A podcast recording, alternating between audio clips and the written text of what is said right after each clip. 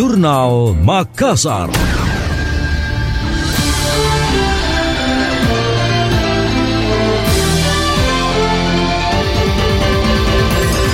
Gubernur Sulawesi Selatan Andi Sudirman Sulaiman mengeluarkan surat edaran tentang keselamatan pelayaran. Hal ini untuk mengantisipasi terjadinya kecelakaan atau musibah pelayaran maupun aktivitas nelayan. Terlebih di tengah cuaca ekstrim yang menyebabkan hujan lebat disertai angin kencang dan gelombang laut tinggi. Surat edaran itu menindaklanjuti Undang-Undang Nomor 17 Tahun 2008 tentang Pelayaran, Peraturan Pemerintah Nomor 27 Tahun 2021 tentang penyelenggaraan di bidang kelautan dan perikanan serta Peraturan Menteri Perhubungan Nomor 20 Tahun 2015 tentang standar keselamatan pelayaran. Andi Sudirman mengatakan surat edaran yang dikeluarkannya untuk menjamin optimalisasi keselamatan pelayaran yang merupakan hal mutlak dan menjadi tanggung jawab bersama. Adapun tujuh poin pokok yang wajib diperhatikan dalam keselamatan pelayaran. Di antaranya muatan kapal sesuai dengan peruntukannya atau jenis kapal dan kapasitas kapal yang diizinkan. Kapal dilengkapi dengan alat keselamatan berupa baju pelampung atau life jacket, ban penolong atau life buoy. Kapal yang ingin melakukan pelayaran diwajibkan melengkapi surat-surat yang dikeluarkan oleh pihak berwenang. Khusus kapal perikanan harus memenuhi kelaik lautan, kelaik tangkapan, dan kelaik simpanan.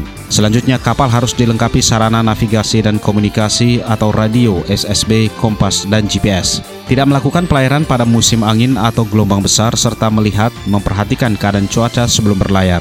Terakhir, melakukan koordinasi dan menindaklanjuti segala informasi yang disampaikan oleh pihak BMKG.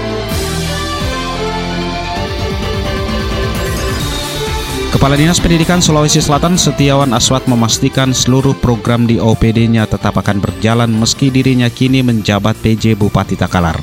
Hal itu dikarenakan Dinas Pendidikan Sulawesi Selatan mempunyai tim yang solid serta saling bersinergi. Namun ia tidak menampik tugas Dinas Pendidikan Sulawesi Selatan sangat besar, utamanya dalam mempersiapkan penerimaan peserta didik baru PPDB. Oleh karena itu nantinya akan ada pelaksana harian yang akan membantunya di Dinas Pendidikan Sulawesi Selatan. Setiawan menyebutkan PLH di Dinas Pendidikan hanya sebatas menjalankan tugas bagian teknis operasional bukan mengganti sepenuhnya tugas kepala dinas. Seperti diketahui, Setiawan Aswat resmi menjadi penjabat atau PJ Bupati Takalar pada Kamis 22 Desember 2022 lalu.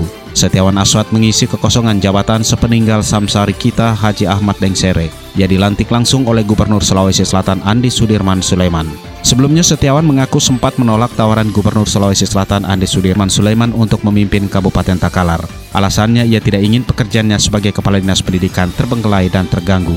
Namun Setiawan akhirnya menerima tawaran tersebut setelah berulang kali diminta Gubernur Andi Sudirman.